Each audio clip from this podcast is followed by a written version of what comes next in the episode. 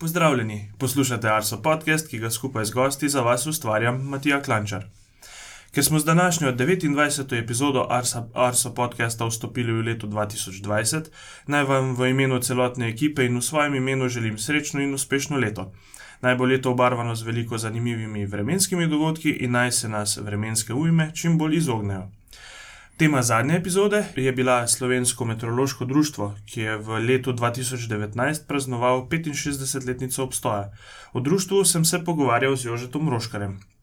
Vabljeni tudi k poslušanju vseh preteklih epizod, ki jih najdete na naši spletni strani. Najdete nas tudi na družabnih omrežjih, na Twitterju smo Meteosi, na Facebooku pa smo Arso Vreme. Če bi v prihodnje želeli slišati kakšno posebno tematiko, nam pustite kakšno sporočilo. V veliko pomoč pri širjenju naše besede so tudi ocene na Apple Podcasts, vse komentarje, pripombe in predloge pa nam lahko sporočite na elektronski naslov podcast.arso.afnago.si. Danes se bomo ozrli v pravkar končano leto 2019, pregledali bomo vremensko in hidrološko dogajanje v preteklem letu. Z mano sta meteorolog Brane Gregorčič in pa hidrolog Janez Polajnar. Zdravo. Zdravo. Uh, leto 2019 nam je sicer z vremenskimi ujmami večjih razsežnosti zaneslo, a vseeno je bilo vremensko in pa hidrološko dogajanje zelo pestro. Kateri dogodek pa se je vam mogoče najbolj vtisnil v spomin za začetek? V celem letu, ja, meni osebno prav gotovo prehod iz hladnega in deževnega maja v zelo vroč in sušen juni. No, z hidrološkega stališča pa prav gotovo številno poplavljanje morja ob slovenski obali. Uh, in uh, seveda ta izjemna plima, ki se je zgodila v novembru, med 12 in 13 novembrom, ko je morje kar za 70 cm prestopilo obaljno črto. Eh, sam pa si bom v bistvu leto 2019 najbolj zapomnil 20. junija, ko je bilo na območju Trzina in Domžal kar eno tako hudo neurje z močnimi nalivi in pa tudi točo. Uh, sem se pa takrat znašel v prometni konici, kjer smo v bistvu lahko samo počakali na, na konec neurja. Uh, pa začnimo kar z novim letom 2019, z januarjem, kaj se je takrat dogajalo, brane. Ja, že uh, hitro po Silvestru, se pravi v dneh med 2. in 4. januarjem, je uh, se nad Alpami okrepil severni veter in uh, smo že izdali prvo vremensko opozorilo v letu 2019. Najmočnejši sunki tega severnega vetra so v gorah dosegali hitrost med 90 in 140 km/h. Po nižinah pa je najbolj pihalo pod karavankami, v lescah smo izmerili sunek 102 km/h. Sicer je bil januar temperaturno dokaj povprečen, s povprečno količino padavin, nekaj malega snega je po nižinah zapadlo šele v drugi polovici meseca. No, vodnatost reke v januarju je bila običajna za ta čas, je pa predvsej jezer in ostalih ojezerjenih površin ta mesec zamrznilo no ob koncu meseca pa se je let na njih tudi že začel taliti. Februarja smo začeli s toplim in deževnim vremenom. Ja, res je, in uh, kar precej deževnim, v nekaj dneh je na zahodu padlo od 2 do 3 krat toliko dežja, kot znaša mesečno povprečje. Pobralo je v sneg po nižinah, se je pa vdebelila snežna oddaja v gorah.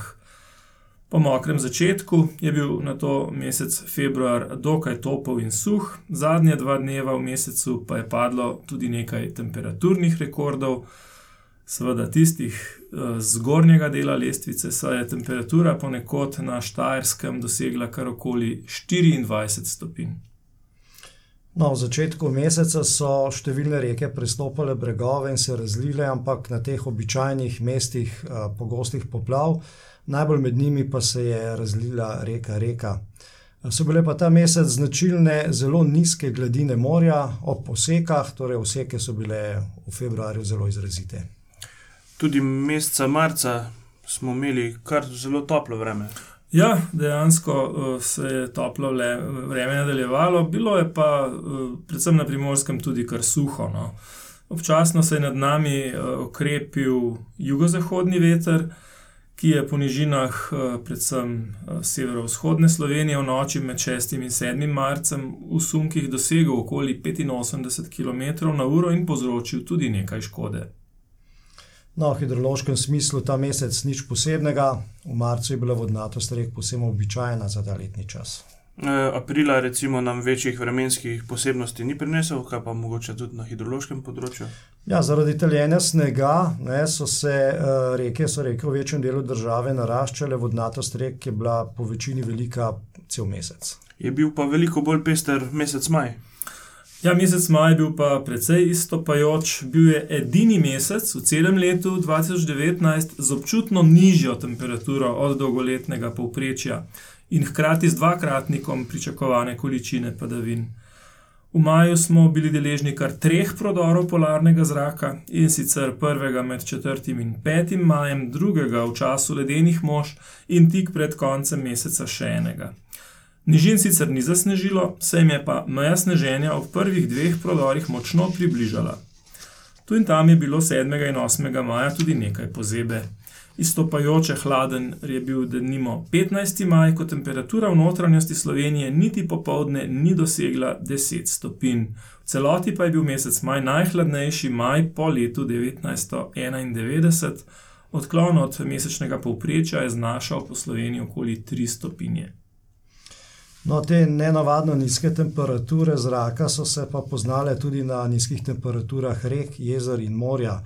Tako je naprimer temperatura morja bila za 4 stopinje Celzija nižja od povprečja, znašala je okoli 13,5 eh, stopinj Celzija. Ob koncu meseca pa so ponovno narasle reke, nekatere so se že razlivale na običajnih razlivnih območjih. Hladnemu in deževnemu maju je pa sledil čist posebno drugačen junij. Ja, res, kot bi preklopil stikalo že s prvim uh, junijem, se je začelo obdobje nadpoprečnih temperatur in to je ustrajalo pravzaprav kar ves mesec. Uh, junij 19 se je izenačil z doslej najbolj vročim junijem, to je tistim iz leta 2003. V pregretem ozračju je nastalo tudi nekaj neuri, najsilovitejša so 11. junija pozno popovdne prizadela Kočevsko in Belo krajino, pa seveda tudi še v naslednjih dneh jih je bilo nekaj, ne, kot si že omenil. Mesečna količina padavin pa je z izjemo severovzhoda Slovenije ostala precej pod povprečjem. Mesečni odklon od klimatskega povprečja je junija znašal 4 stopinje.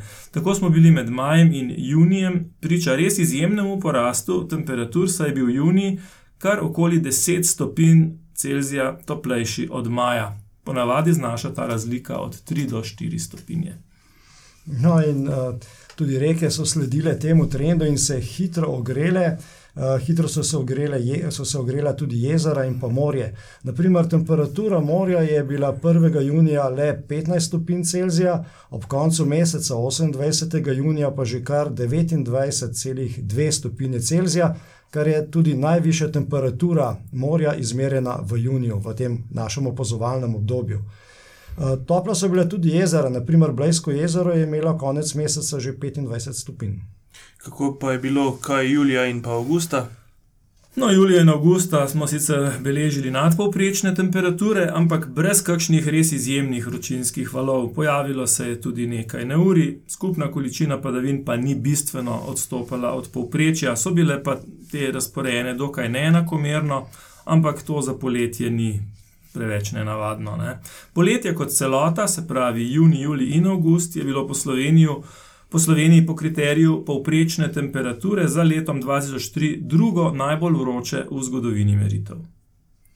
No, te um, padavine, ki so bile bolj um, v obliki nalivov, pa so seveda vplivali na to, da so narasli številni hodurniški vodotoki v več delih države, um, imeli so težave z meteorno vodo in zalivanjem objektov. No, burja, ki je pihala sredi meseca, je hitro ohladila površinsko plast morja, za 8 stopinj, no vendar pa se je more kmalo zatem ponovno ogrelo na 27 stopinj Celzija. Tudi konec meseca in začetku avgusta so narasli številni hudovniški vodotoki, pojavljale so se težave z poplavljanjem meteornih voda. Konec avgusta pa je bila po vsej državi mala vodnatost rek. Najbolj pa je bila ta mala vodnatost vidna v posočju. Pretok Soče, naprimer, je bil v avgustu med, je sodil med najnižje v zadnjih 75 letih torej letošnje poletje, juli, uh, juni, juli in august, uh, so imele slovenske reke, glede na obdobje iz leta 1981 do 2010, v povprečju kar 15 odstotkov manjšo vodnatost. Med najbolj sušnimi v tem času je bila reka Vipava, po kateri je v njenem spodnjem toku torej se je pretakalo okoli 40 odstotkov manj vode kot v primerjalnem obdobju. Kljub temu pa so ob nevihtah močno narasle tudi manjše reke, manjši potoki, hodovniški vodotoki in poplavili na teh posameznih območjih, najbolj izpostavljenih območjih. Med njimi, seveda, je ta mesec najbolj narasla reka Medija. Ker septembra ni bilo večjih posebnosti, bomo ta mesec preskočili. Oktober pa je bil na začetku hladen. Kaj se je pa potem dogajalo, Brane? Ja, res je. Oktobra se je pravzaprav že kar začela kurilna sezona, ampak potem nam je pa mesec oktober naklonil skoraj tri tedne dolgo obdobje večinoma sončnega in nadpovprečno toplega vremena. Torej pravo babje poletje, bi lahko rekli, ne. Najtopleje je bilo v dneh med dvajsetim in štiriindvajsetim oktobrom, ko se je ponekod segrelo celo nad petindvajset stopinj. Ohladilo se je potem šele zadnje tri dni v mesecu. No, tudi na slovenskih rekah je prevladovala mala vodnatost rek, temperatura morja pa je bila za dobri dve stopinji višja od povprečja. Poglejmo še v mesec november. Tja v novembru smo pa prišli pod vpliv močnih južnih do jugozahodnih vetrov in nato je bil mesec november kar deževen in pa seveda pretopel, ne. V zahodni Sloveniji je padlo od dva do trikrat toliko padavin, kot znaša mesečno povprečje, pa tudi na vzhodu Slovenije je bilo to povprečje preseženo. Tudi snežna odeja v visokogorju se je novembra hitro debelila in osemnajstega smo na Kredarici z dvesto petindevetdeset centimetri dosegli nov absolutni novembrski rekord. Pod dva tisoč metri sta se dež in sneg menjavala, tako da recimo že na tisoč petsto metrih pa sploh ni bilo omembe vredne snežne odeje. No, november je bil pa mesec visokih voda, izjemen pa je bil po številu visokih gladin morja in izjemnih poplavah morja ob slovenski obali in celotnem severnem Jadranu. Tem mesecu je morje kar šestnajstkrat prestopilo obalno črto in se v večji ali manjši meri razlilo. No, najbolj pa se je razlilo dvanajstega in trinajstega novembra, ko je v Kopru doseglo višino tristo triinsedemdeset centimetrov in poplavilo nižje dele obale v višini okoli sedemdeset centimetrov. To je bila tudi druga najvišja gladina morja v opazovanem obdobju od leta tisoč devetsto enainšestdeset. No, konec meseca so se ojezerila tudi kraška polja, reka Drava pa je močneje poplavila, zlasti v njenem svojem spodnjem toku. Takrat so pa seveda kolegi iz Avstrije v družbi Verbund z upravljanjem verige hidroelektrarn precej zmanjšali ta poplavni val in omilili poplave na Dravi. Sicer, če ne bi pristopili k tem ukrepom predpraznjenja akumulacijskih bazenov, bi bile poplave na Dravi precej hujše. Tudi tokrat pa bomo zaključili z mesecem decembrom. Kaj se je zgodilo v preteklem mesecu? Ja, morda smo si zapomnili en res kratek preblisk zime, ne. Tako dvanajstega decembra zvečer je pričelo vsaj rahlo snežiti, no, v osrednji Sloveniji je ob temperaturi večinoma malo pod ničlo zapadlo okoli pet centimetrov snega. Precej več ga je zapadlo v petek, trinajstega, ponekod na Notranjskem je snežna odeja dosegla višino blizu trideset centimetrov, drugod po Sloveniji pa manj. Ampak po nekaj dneh je močna odjuga ves ta sneg pobrala, potem je tudi še deževalo, no, in potem božič je bil pa spet zelen kot že vrsto let. No, seveda vodnatost rek je bila konec meseca spet velika, prav zaradi tega taljenja snega in zaradi padavin.